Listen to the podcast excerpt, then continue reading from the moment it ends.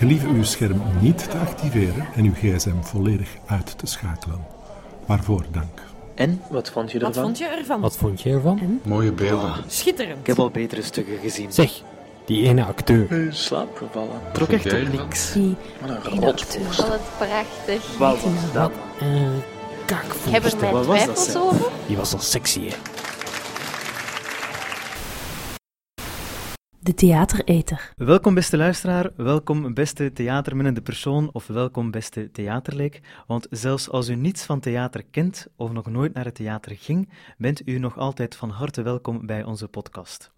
Wij helpen u op weg. Wij leiden u naar de voorstelling die uw hart sneller zal doen slaan of je uit je zetel zal doen trekken. Welkom bij onze allereerste aflevering van onze podcast De Theatereter. Een maandelijkse podcast waarin wij, vier mensen van de zendelingen, een gesprek voeren over de twee meest belangwekkende theatervoorstellingen in België van de afgelopen maand. Deze maand waren dat voor ons de voorstellingen Drie Zusters van Theater Zuidpool in de regie van Jorgen Kassier en 8.2 van Radouan Mriziga in het Paleis, ondersteund door Fabuleus en Moussam Nomadisch Kunstencentrum.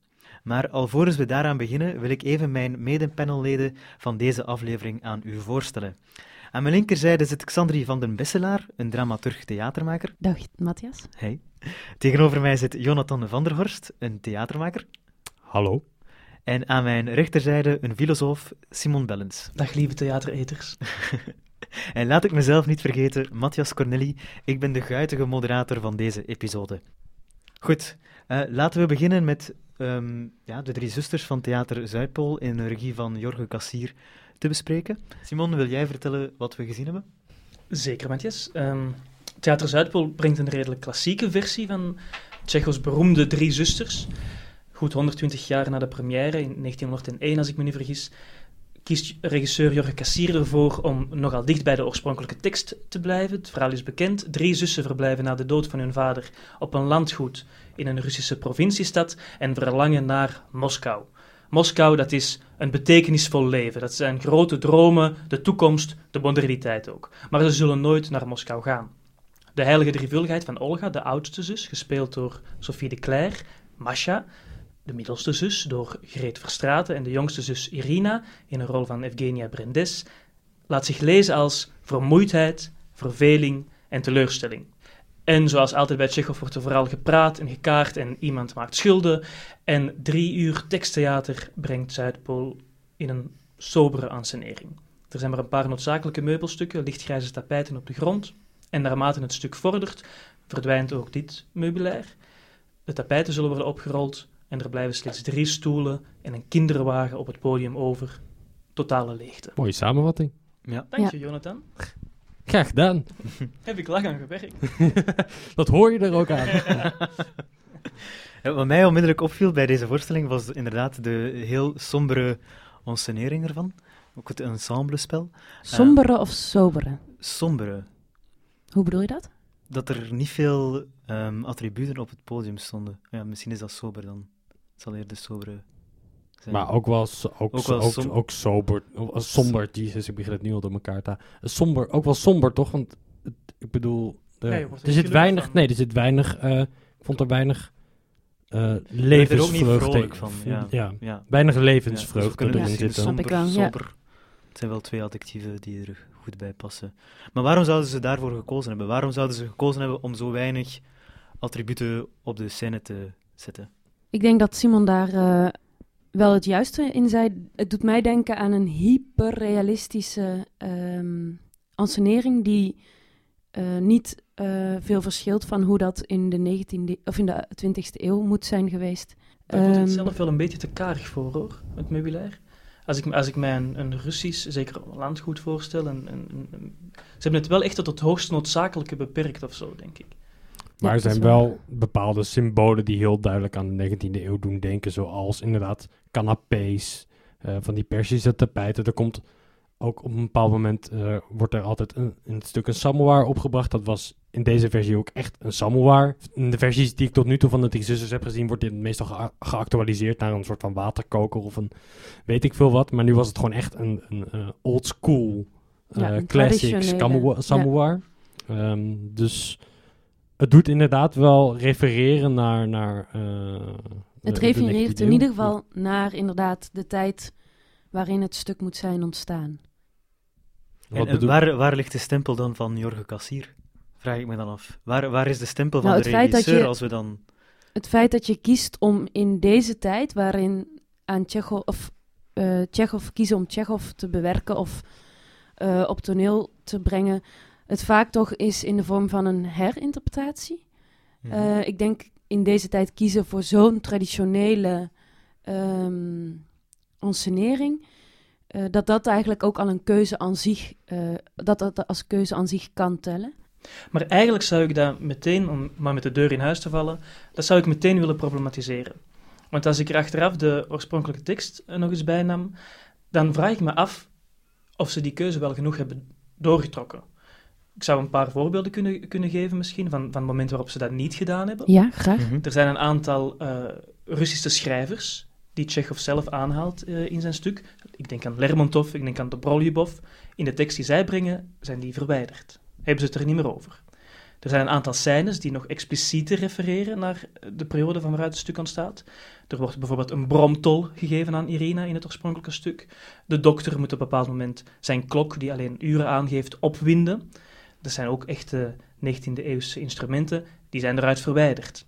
De bromtol zat er toch? Er is geen bromtol. Er, is wel, er wordt een foto getrokken. En eh, wa- waar, waar, waar vaak een, een 19e-eeuws fototoestel eh, hiervoor gebruikt wordt, doen ze het nu met een Polaroid. Ik vraag me dus af of ze, die, of ze wel genoeg ervoor hebben gekozen om helemaal eh, het stuk als een klassiek stuk, stuk te spelen zonder het te herinterpreteren.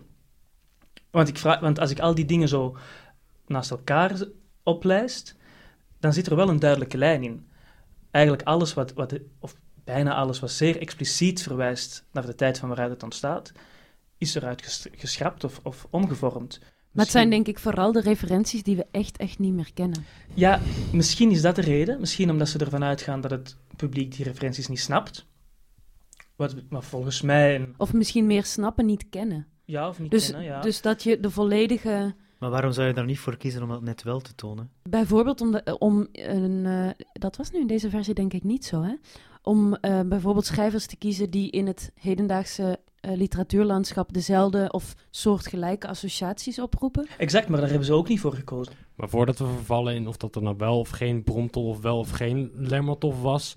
Wat mijn vermoeden is, maar ik bedenk het mezelf nu ook eigenlijk net pas, is dat ze daarvoor gekozen hebben om tot een tot soort van essentie van het stuk te komen. En in essentie gaat dat stuk eigenlijk over mensen die wachten op een beter leven, die hoop op een beter leven, wat telkens maar niet ehm, lijkt te komen of zich, of zich eh, lijkt, te, lijkt te ontplooien.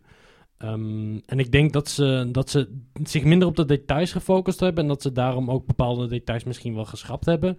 Maar ik vraag me dan wel af van, vinden we dat dan, dat tonen, vinden we dat dan geslaagd in deze versie? Of halen we dat eruit? Of... Ja, ik denk wel, hoe jij het nu voorstelt, ik denk dat ze dat zelf ook geloven. Ik heb hier toevallig een quote van, van Jorge Cassier voor me. Hij zegt, door dit stuk niet naar vandaag te vertalen, leggen we de nadruk op hun verlangen zelf. Maar de vraag is maar of dat, dat is een bepaalde abstractie van het toneelstuk. Welke, ja, welk verlangen zit erin, of welke moraliteit of zo. Hoge abstracte waarden die, waar het volgens hen dan om draait. Maar misschien dat ze zo net ook die eigenheid, net net het essentiële, het, tijdelijke en het ook veranderlijke van het stuk, dat daardoor net gemist wordt. En ik vond het wel echt frappant toen ik het na begon te gaan, in welke mate dat die lijn werd vastgehouden. Dat al, alles wat expliciet dat de historische context kan verwijden. En ik denk inderdaad, omdat ze ervan uitgaan dat we dat niet zouden begrijpen of zo. En misschien, dat is mogelijk. Dan kan je er ook voor kiezen om het eh, te vertalen naar onze tijd. Hebben ze niet gedaan.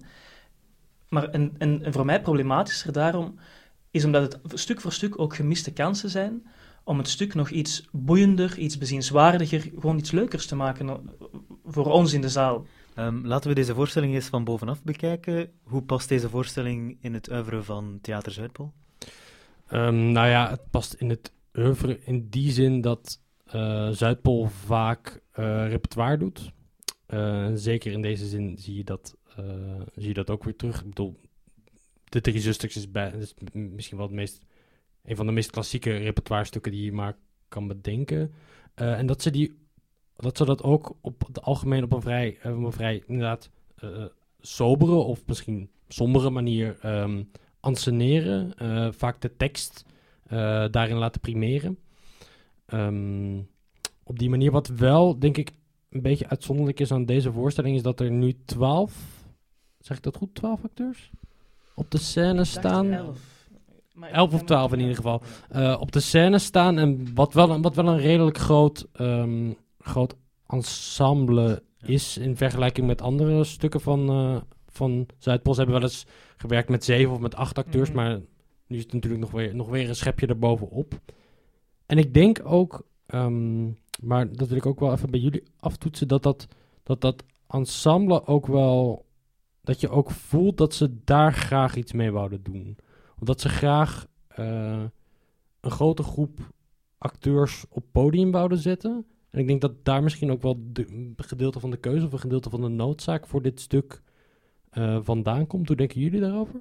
Ja, wat mij vooral opviel eigenlijk is, ehm, maar misschien raak ik dan net iets anders aan, was de diversiteit of hoe breed eh, de speelstijlen van elkaar verschilden.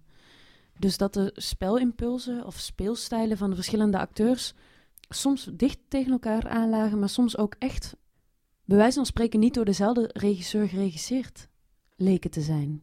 Ja, dat zou wel kunnen. Er zit misschien dat ze er wel een bepaalde vrijheid hebben. Maar aan de andere kant vond ik het ook wel.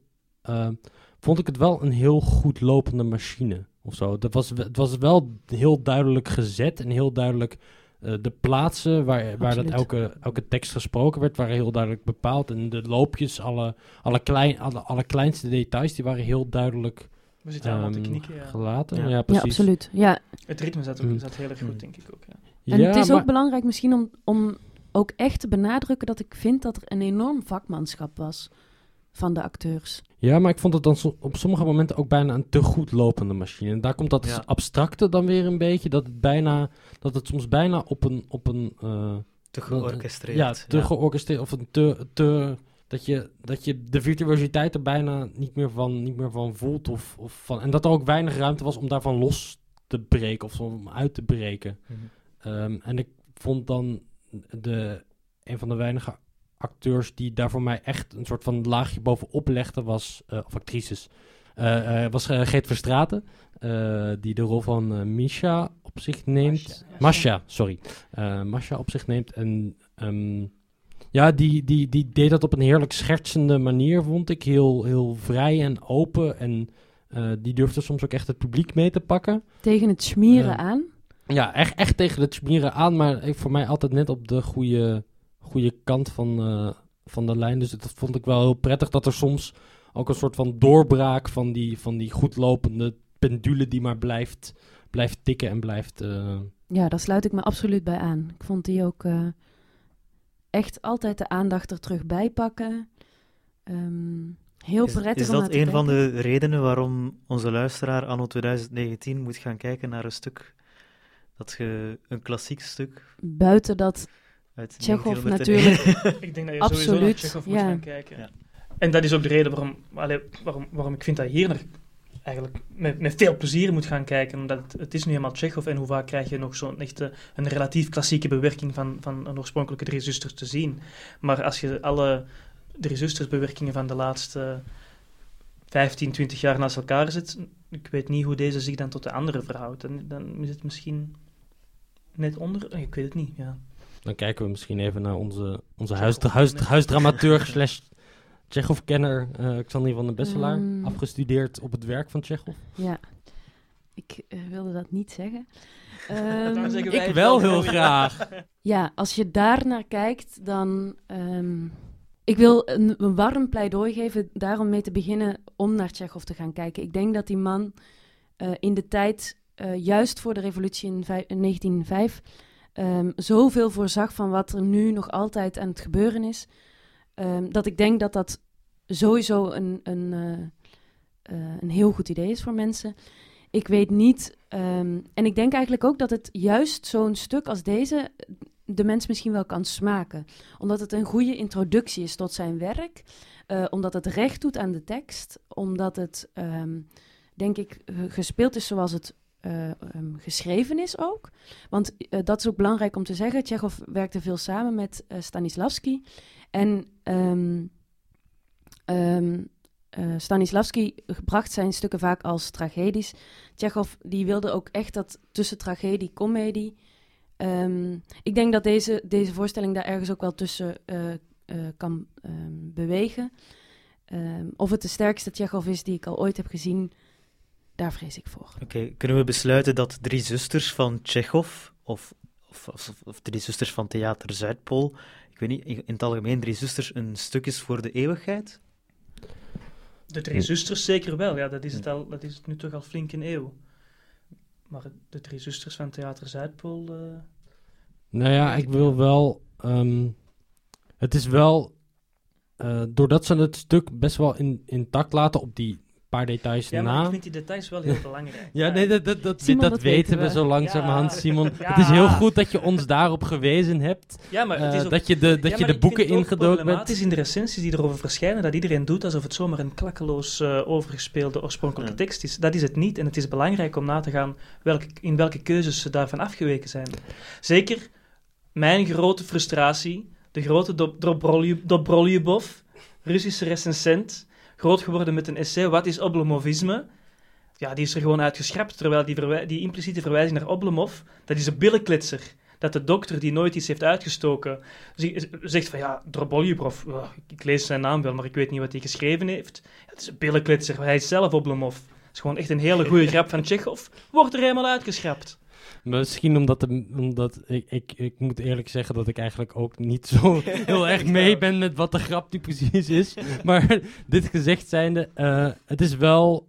eh, wat ze in ieder geval wel in stand hebben, weten, in stand hebben gehouden in deze versie is de, de lengte van het origineel. Eh, drie uur is toch wel echt een zit. En ik vond het toch met sommige momenten zeker wel, maar op andere momenten zeker niet altijd even hard. De poging niet altijd even hard geslaagd. Eh, soms werd ik er echt wel een beetje, beetje uitgerold. En zat ik echt wel een beetje met een afstand naar, wat, naar het gebeuren te kijken. Ehm, en dan is, wordt drie uur toch op een bepaald moment wel lang. En dat is niet omdat ik iets tegen lange stukken heb. Ik hou heel erg van... Als iets echt goed gedaan is, mag iets van mij echt tot in de eeuwigheid blijven duren. Alleen dat vond ik in deze versie helaas toch niet altijd. Eh, dus ik wilde mensen daar die eventueel nog gaan kijken, daar toch eh, een klein beetje voor waarschuwen. Maar eh, de drie zusters moet je zeker een keer gezien hebben. Dat staat gewoon buiten kijf. Laten we het hoofdstuk van adaptaties rond Tsjechov en vooral van Drie Zusters van Theater Zuidpool afsluiten en even een brugje maken ehm, naar onze andere voorstelling, naar onze tweede voorstelling die we vandaag eh, bespreken in deze podcast, Ehm 8.2. Maar eerst een reportage, Xandri. Je bent op stap geweest met... Ja, ik ben samen met Simon op stap geweest met Hanna de Meijer. eh, een van de pulsers van het toneelhuis. ehm, om met haar een dagje mee te lopen en te kijken hoe zo'n traject als jonge theatermaker, zo onnavolgbaar als dat is. Ja, laten we er naar luisteren. Dag Xandri, Hey Simon.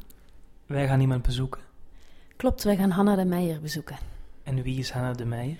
Hanna de Meijer is een theatermaakster. Zij studeerde af aan de toneelacademie in Maastricht en zij deed daar de performanceopleiding. En momenteel maakt ze deel uit van Puls, het talentontwikkelingstraject van eh, het toneelhuis. En dat doet zij samen met Li- Lisboa Huibrechts, Timo de Keizer en Bosse Provoost. Is er iets wat je haar heel graag wilt vragen? Ik ben benieuwd naar het talentontwikkelingstraject Puls en hoe dat haar werk eh, afgelopen jaar heeft beïnvloed. Waar ben jij benieuwd naar, Simon? Ik ben ook wel nieuwsgierig naar de brief die zij geschreven heeft in de Standaard, in de nasleep van de affaire Jan Fabre, en waarin ze uitlegde waarom ze niet meer in première wilde gaan in Troublein, het huis van Jan Fabre. En Jan Fabre is nu net een van die grote namen van het toneelhuis, waar ze stage zou kunnen lopen binnen het traject. Laten we het haar gaan vragen. Oké, we staan dus nu voor de deur van eh, V36. Dat is het gebouw waar eh, de pulsmensen repeteren, hun eh, kantoor hebben. Eh, de bel doet het niet, dus Hanna heeft mij gevraagd haar te bellen. Hallo, met Xandri. Ik sta voor de deur. Oké, super. Tot zo. Ze komt eraan. Oh. Hey, kom binnen.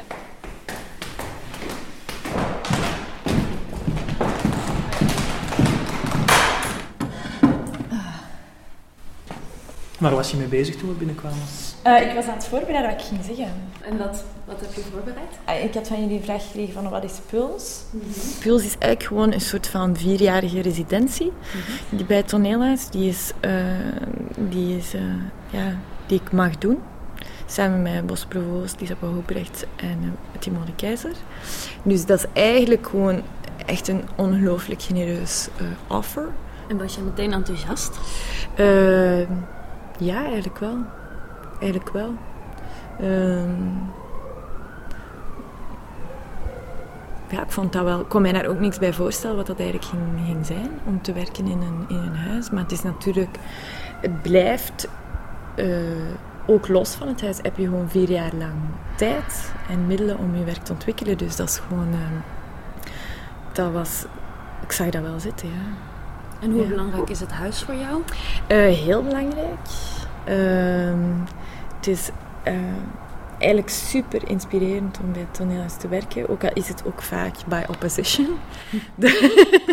door, door dingen te zien, eh, artistieke praktijken, verhalen, vormen van theater, waar ik absoluut geen band mee heb. Of, of, of, of manieren van theater maken, van representeren die ik, die ik absoluut niet zou eh, gebruiken in mijn eigen werk. Het heeft te maken met dat ik eh, merk dat de soort van artistieke tactiek om een probleem te tonen op scène en er dan vanuit te gaan dat dat een kritiek oplevert, dat die tactiek voor mij volledig eh, uitgewerkt is.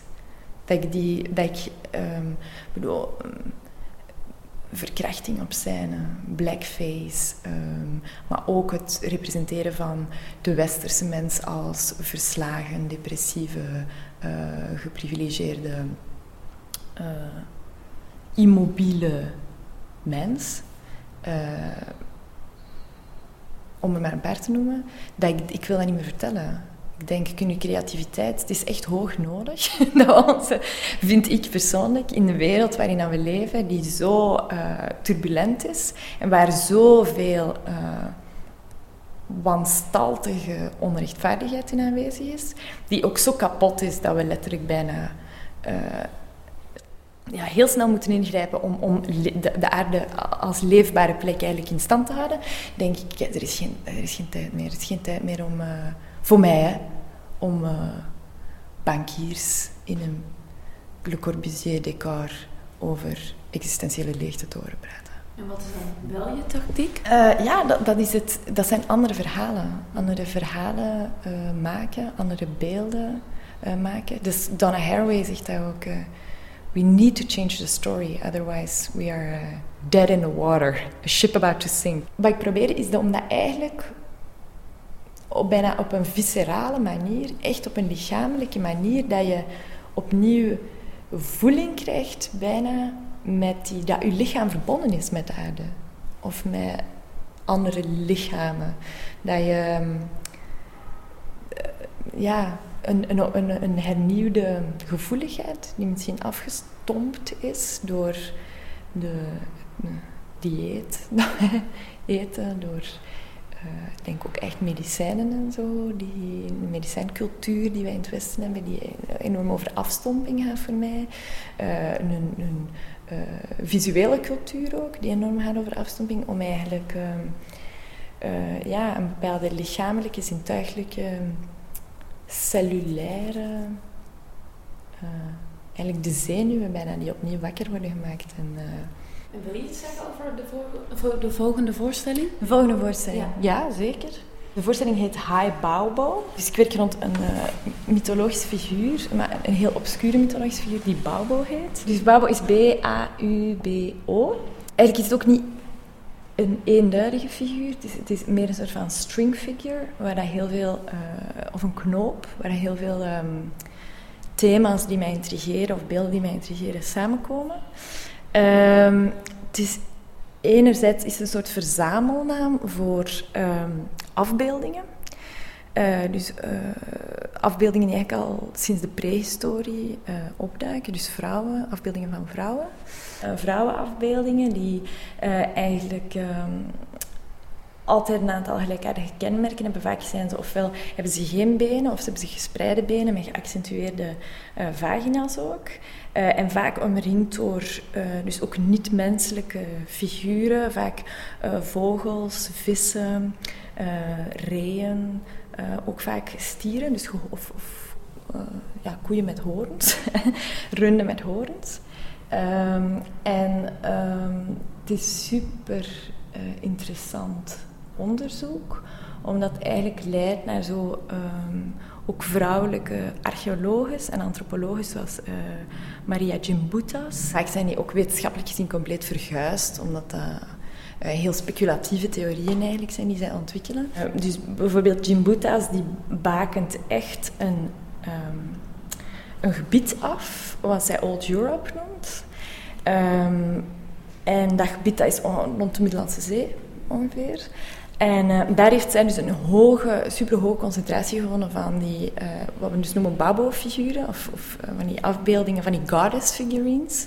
Dus dat zijn gelijkaardige figuren. Ze dat zijn dus figuren, of maatschappijen eigenlijk ook, die eigenlijk ontwikkelde maatschappijen met ook uitgebreide architectuur,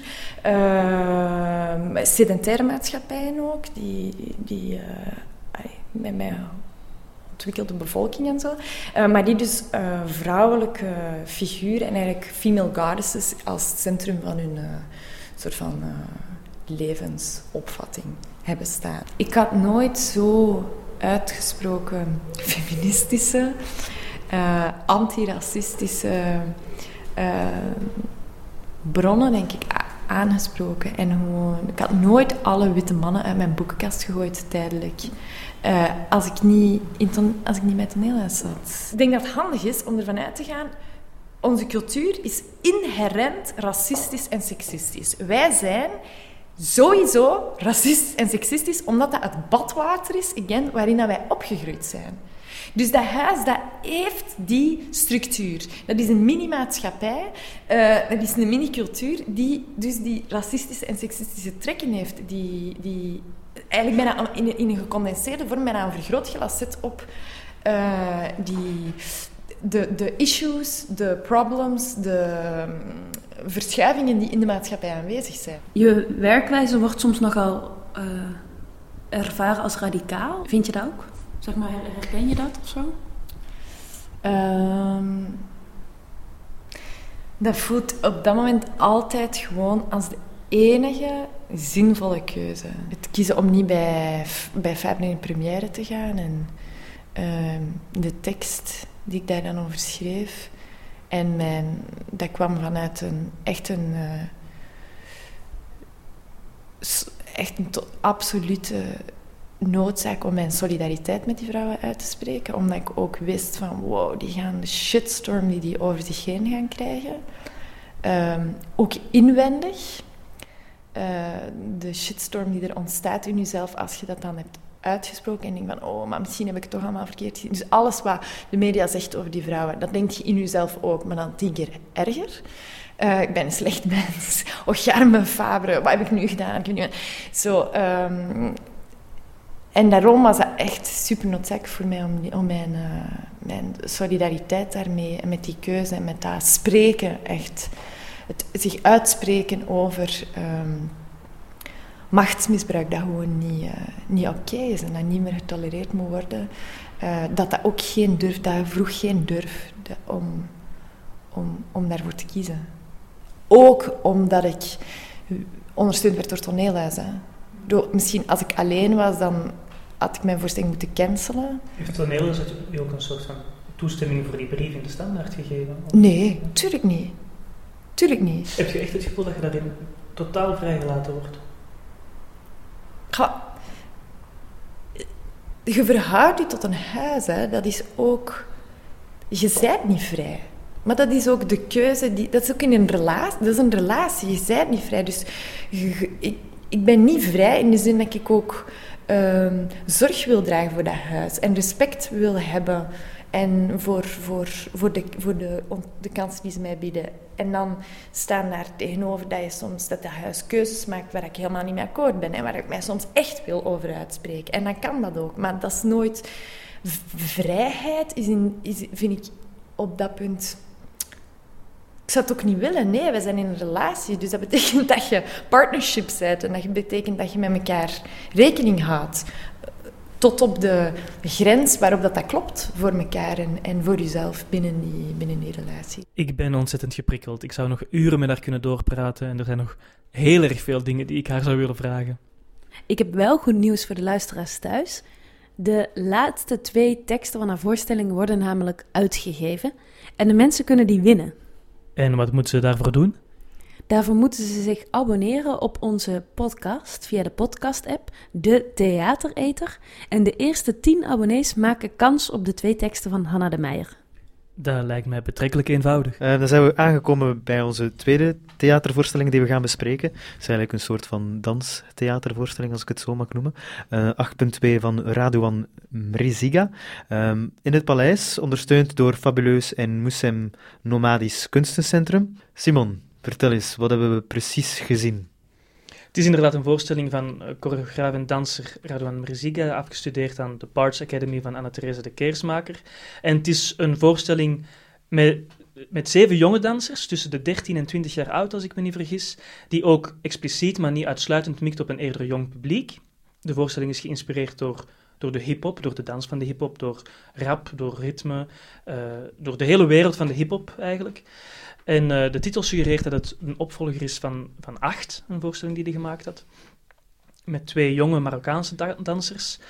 ehm, die vanuit de Afrikaanse muziek eh, zou beginnen. Ik weet het niet, ik heb het niet gezien. En in 8.2 zien we al die jongvolwassenen dansen eh, vaker zonder muziek, soms ook op muziek. Hip-hopmuziek die ze zelf gekozen hebben of die de choreograaf gekozen heeft. We zien ze alleen dansen, we zien ze in groep dansen op een zo groot mogelijk gemaakt podium. Dan weer scanderen ze de lyrics van Gucci Gang tot Kendrick Lamar. Dan weer horen we alleen hun voeten op de scène. En terwijl ze dansen, eh, dalen vijf helblauwe doeken neer, die samen een symbool van twee vierkanten, oftewel een achthoek vormen, de geliefde geometrie van choreograaf Briziga. Alweer zo'n goede samenvatting. Goed Allee, gedaan. dat moet je me echt toch eens een keer eh, leren, Simon. Allee, wat mij direct onmiddellijk opviel, was dat ze dansten, heel veel dansten zonder muziek. Ik weet niet of ik dat goed vond of niet goed vond. Ik ben daar niet om over te oordelen, maar ik trek de vraag graag open aan jullie. Wat vonden jullie daarvan, dat ze zo weinig dansten op muziek? Ik vond dat vooral een heel dappere keuze. Eh, vooral omdat het, omdat het een voorstelling is die gemaakt is in, in en voor het paleis. Ehm, wat natuurlijk een jeugdtheater is. Eh, waarmee er dus ook eh, eh, vaak jonge kinderen in de zaal zitten. die waarschijnlijk niet gewend zijn aan moderne dans. of aan dans waar dans in stilte. Ik bedoel, ik be- wij zijn misschien al wel, al wel eens een keer naar een uh, de Keersmaker voorstelling geweest. Ehm, dus dan ken je het al wel dat er, dat er soms lang, gedanst in, lang in stilte gedanst wordt. Maar voor die kinderen is dat natuurlijk een, een nieuwe ontdekking. En eh, wij zijn ook, of tenminste Xandri niet, maar de rest wel, eh, zijn bij een schoolvoorstelling wezen kijken. Wat Ja. trouwens iedereen, ik trouwens echt iedereen wil aanraden om eens een keer naar, een scho- naar een schoolvoorstelling te gaan. Omdat Zeer je, aangename beleving. omdat Daar je, moeten we ook nog wel een woord naar wijden Ja. straks, denk ik. ja. omdat je ontzettend veel rea- met directe reactie van, eh, van, van die kinderen krijgt natuurlijk. Met Ehm, als dankbaar gevolg dat de humor van de voorstelling heel erg duidelijk werd. Die dat er misschien op andere avonden eh, iets minder in zit. Het is omdat ze ook zo, zo hard moeten lachen met sommige bewegingen en dingen die er op het podium gebeuren. Geef eens een voorbeeld. Soms ben je een beetje... Het is een dansvoorstelling, het is heel lichamelijk, dus je zou het niet meteen met humor associëren. Natuurlijk, soms eh, citeren ze bepaalde lyrics en als ze dan Gucci Gang, dan is het duidelijk dat er, dat er veel humor in zit. Maar bijvoorbeeld, pubers zijn natuurlijk heel erg gemakkelijk gechoqueerd. Die hebben niet zo heel erg veel nodig om... Die willen ook zo graag normaal zijn en erbij horen dat als er bijvoorbeeld een jongen met een, een paar vrouwelijke bewegingen of, of iets misschien zelfs homoerotisch doet op een podium, ja, dan is het hek van de dam. Dat is al meteen, dat vinden pubers al, al heel erg grappig, ook een beetje onwe- onwennig dat ze ermee zijn. En zo werd voor mij ook wel duidelijk dat er echt gespeeld werd, vaak op een humoristische manier, met die vrouwelijkheid in de, in de dansbewegingen. En dat er ook een soort interactie zit in verleidelijkheid, eh, die best komisch is. En ik denk dat dat ook is, dat dat dankzij de schoolvoorstelling ook een beetje was dat dat eh expliciet naar, naar boven kwam. Ja, en die jongen, die, die, die vrouwelijke beweging, die ging daar ook heel goed mee om. Want er kwam zo wat gelach vanuit de zaal en die was meteen zo van... Wat, jullie kunnen mij niks maken, eh, ik, ik ben dit aan het doen en ik sta hier compleet achter. Dus dat was ook heel ontwapenend tegelijkertijd. Ja, dat is heel cool. Ja. Ook heel ontwapenend tegelijkertijd om te zien. En ook om eventjes terug te komen ehm, eh, op jouw vraag, Matthias, het zonder muziek dansen. Ik ehm, vind het denk ik belangrijk om de zeven jonge dansers, Tars, Amina, Mimbi, Ebe, Nick, Julie en Sedi, of Sadi, eh, allemaal tussen de 13 en 20, zoals Simon zei, die hebben daarmee een volgens mij aardsmoeilijke opdracht geleverd. Je zag ze op een bepaalde manier ehm, vanuit een concentratie tellen. Ehm, en ze al stappend creëerden ze ongelooflijk moeilijke, complexe ritmes.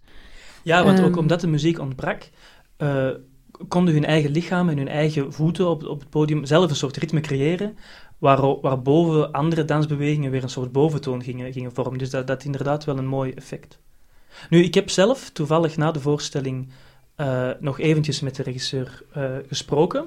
Heb ik hem eventjes gevraagd waarom, waarom dat hij ervoor gekozen had om zoveel eh, zonder muziek te dansen. En hij zei toen, meestal als hip-hop in een theatervoorstelling terechtkomt of in een dansvoorstelling terechtkomt, dan wordt het gerepresenteerd. Het wordt van de straat genomen en het wordt op een podium gezet, weergegeven. En dat blijft volgens hem redelijk oppervlakkig. Eh, hij wilde, heeft hij gezegd, de hip-hop of, of ja, deconstrueren, in zijn elementen uit elkaar halen. En op die manier tot in de, tot in de diepte van die verschillende elementen van de hip-hop eh, doordringen. En ook een soort nieuwe, ja, een, een, een, nieuwe dans of een nieuwe lichamelijkheid creëren. En dan vind ik ook dat we de vraag die we dan misschien moeten stellen is of, of hij daarin slaagt. Ja, ik vond, ik vond, ik vond echt van wel. Ehm, ja, hip-hop wordt is heel lang bekeken als inderdaad een soort van, soort van nou, bijna minderwaardige kunstvorm. Ehm, echt als iets van de straat, van de, laag, van de lagere culturen. Ik, ik, ik ben nu handbewegingen van kommatjes aan het maken. Eh, Aanhalingstekens. Aanhalingstekens, dankjewel. Ja, het, het werd echt als, gezien als iets van lagere culturen. eh, en daar is het de laatste jaren echt wel, echt wel uit aan het klimmen. De meest gestreamde nummers op Spotify zijn allemaal hip-hop nummers. Natuurlijk heeft pop- populariteit nog niet per se iets te maken met, eh, met, met kwaliteit, maar ook eh, hippers als Kendrick Lam- eh, eh, eh, rappers als Lamar worden echt wel gezien als, als meesters in hun vak. Eh, ze worden zelfs aan universiteiten worden, worden hun, hun teksten tegenwoordig ontleend als, eh, als poëzie.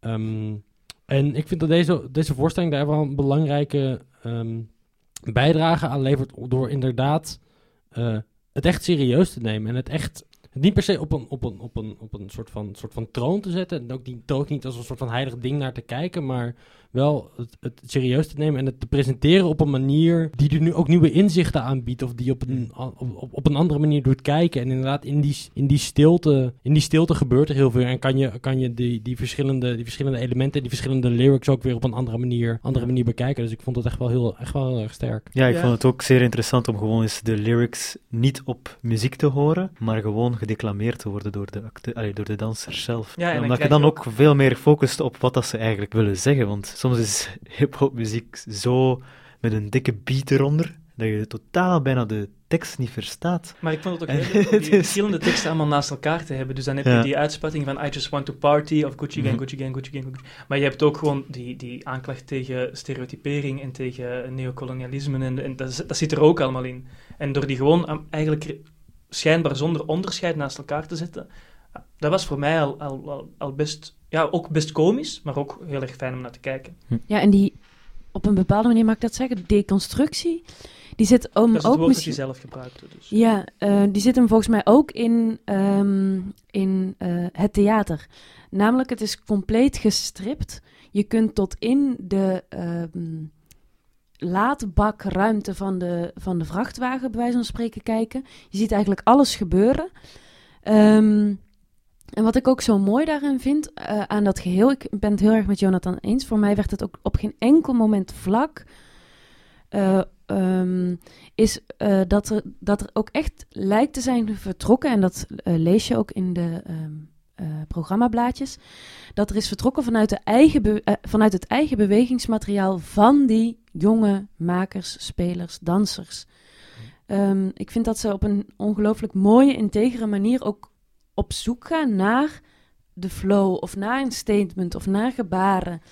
En ehm, al die ehm, eh, verschillende elementen naast elkaar. De, er is ook sprake van een enorme diversiteit, een grote overgave ook van deze jonge eh, makers. Kleurrijke outfits die wel refereren naar eh, de kleding die wordt gedragen in de hip-hop, dan wel rap scene, maar die daar niet mee samen lijken te vallen. Eh, stijgt het echt ergens bovenuit? Wordt het echt een fascinerende medley van verschillende ja, op elementen? andere manier door te deconstrueren en het dus niet als een soort van rariteit van de straat of zo op een podium te zetten, doet het meer recht aan het fenomeen of, of, of, de wereld die hip-hop is. Ik denk ook wel dat hij erin geslaagd is. Zeker ook omdat, wa- wat we er net ook al gezegd hebben, door die muziek vaak weg te laten, ontstaan er nieuwe ritmes die vanuit het lichaam en vanuit de werking op, eh, tussen lichamen en met eh, instrumenten op het podium eh, vertrekken. Wij hebben een schoolvoorstelling gezien, wij drie, Xandri niet. Ehm, een ander publiek voor deze voorstelling, buiten scholen, ik, ik zeg maar volwassenen. Is het de moeite om te gaan kijken of niet? Absoluut. Ik denk dat volwassenen er waarschijnlijk eh, zelfs iets, iets makkelijker in zullen, in zullen rollen dan die kinderen. Want je merkte toch ook wel aan de, aan de, aan de schoolvoorstelling dat eh, sommige kinderen ook wel moeite hadden met, met, met het te lezen. Maar daarom vind ik het juist des te belangrijker dat het juist voor, voor kinderen en voor, voor scholen gespeeld wordt. Omdat, laat me zeggen, die, die, die kinderen zullen normaal gezien nooit in, in, in aanraking komen met zoiets. Nooit in aanraking komen met die stilte, nooit in aanraking komen met die, die abstractie, die deconstructie misschien zelfs wel. En door, door ze dat wel, door, ze dat wel, ik weet, ik weet niet, waarschijnlijk zitten, zijn er heel veel, zullen er heel veel zijn die de, er helemaal niks aan overhouden, die het nu alweer compleet vergeten zijn. Maar die paar mensen die er wel tussen zitten en die denken van, hé hey, maar wacht, daar zat toch wel echt iets in, die, eh, die, die daag je weer op een nieuwe manier uit. En die, die, die zullen dan misschien ook vaker naar, naar, naar dit soort voorstellingen kunnen gaan en misschien zelf wel gaan dansen. Iets wat ze daarvoor misschien nooit gedaan of naar hadden. hip-hop Dus- luisteren. of naar hip-hop luisteren. Ja, dat, dat doen ze waarschijnlijk al, Hm. al wel, wel. Want je merkt inderdaad wel, als er dan Gucci Gang, ge- dat, dat, dat, ook wel, dat was ook wel meteen een soort van referentie naar hun wereld. En, Van de vo- jongeren. ja, en Ja, ze vo- ja. de- en op dat soort momenten voelden ze zich ook denk ik wel echt aangesproken. Eh, en dan als er daarna weer stilte was, dan werd het waarschijnlijk weer iets moeilijker. Maar Ja, inderdaad. Ja. Maar ik, ik, ik, want hoe, vaak... Ik, ik vond bijna dat er soms een, so- een soort persiflage van die jongeren of zo ook, ook plaatsvond. Hoe vaak zie je van die, van die jonge eh, meisjes of, of kerels op straat wandelen die ook hip-hop lyrics aan het scanderen zijn met, met hun oortjes in en dan willen ze, willen ze dat graag meedoen. Ik weet, mijn broer is vijf jaar jonger. Heb ik heel vaak betrapt dat hij zo eh, teksten aan het meescanderen was ergens in zijn slaapkamer. Ik vond, dat, ik vond dat heel erg grappig om dat er ook tegenover te stellen. Voor mij, eh, ik vond het ook heel mooi om te zien. eh, ik zat dus bij de avondvoorstelling. Een gemengd publiek tussen volwassenen, kinderen ehm, en toch ook wel een aantal eh, schoolklassen, denk ik. Ik vond het mooi om te zien hoe dapper eigenlijk die jonge dansers zich verhielden tot het publiek. ontzettend. Ongelooflijk dapper. Met een, ik zag ook later een filmpje Dapper omwille van de reacties van het publiek? Of ja, ik, ik wil het even uitleggen. Aan de hand van een filmpje dat ik later zag. eh, er werd gevraagd naar het project. eh, en zij zeggen, ja, je hebt in eh, de muziek, in de rapmuziek... je hebt een mainbeat met, met de melodie die daarom doorheen geweven is. Je hebt betekenisvolle teksten of niet en je hebt attitude. En wat hadden deze jonge dansers Ja. allemaal? Attitude. Ja. Supermooi. Eh, en bij mij, bij de avondvoorstelling, konden, konden ze ook eh, rekenen op een staande ovatie en een weef die minuten duurde in het publiek. Ja, daar waren de pubers van de schoolvoorstelling iets te verlegen voor, denk ik. Ja, dat, dat denk heb ik ook inderdaad. achter de- letterlijk de zin gehoord. Ik heb echt respect voor die faggots. Ik- vond wel- het mooi en representatief voor de houding van de jeugd of zo. Ja. Het respect van de jonge kijkers hebben ze Ja. duidelijk gewonnen. je zag ook wel een verschil in de verlegging met het begin van de voorstelling en het- naar het einde toe. Dat ze toch wat stiller werden, dat ze niet heel de tijd... Het was vooral de schooljuf die naast mij zat, die constant zei van... Sst! Stil zijn! Altijd die leerkrachten die dan de stilte verpesten door anderen te zeggen dat ze stil moeten blijven. Ja, maar goed. Dan rest er mij enkel nog de taak om mijn panelleden te bedanken. Bedankt Xandri, Dankjewel. Jonathan, Dankjewel. Simon, Dankjewel. bedankt voor dit boeiend gesprek. En natuurlijk ook de single, Het Paleis, De Nieuwe Tijd, Koninklijk Conservatorium Antwerpen, Theater Zuidpool, Hanna de Meijer, Toneelhuis, Filip Tielens en de Zendelingen, zonder wie deze podcast niet tot stand had kunnen komen. Je kan ook de Zendelingen volgen op alle sociale mediakanalen, Twitter, Facebook, eh, Instagram, noem maar op. En je kan deze podcast terugvinden in je favoriete podcast-app of via Soundcloud of de website van de Zendelingen. Graag tot de volgende keer.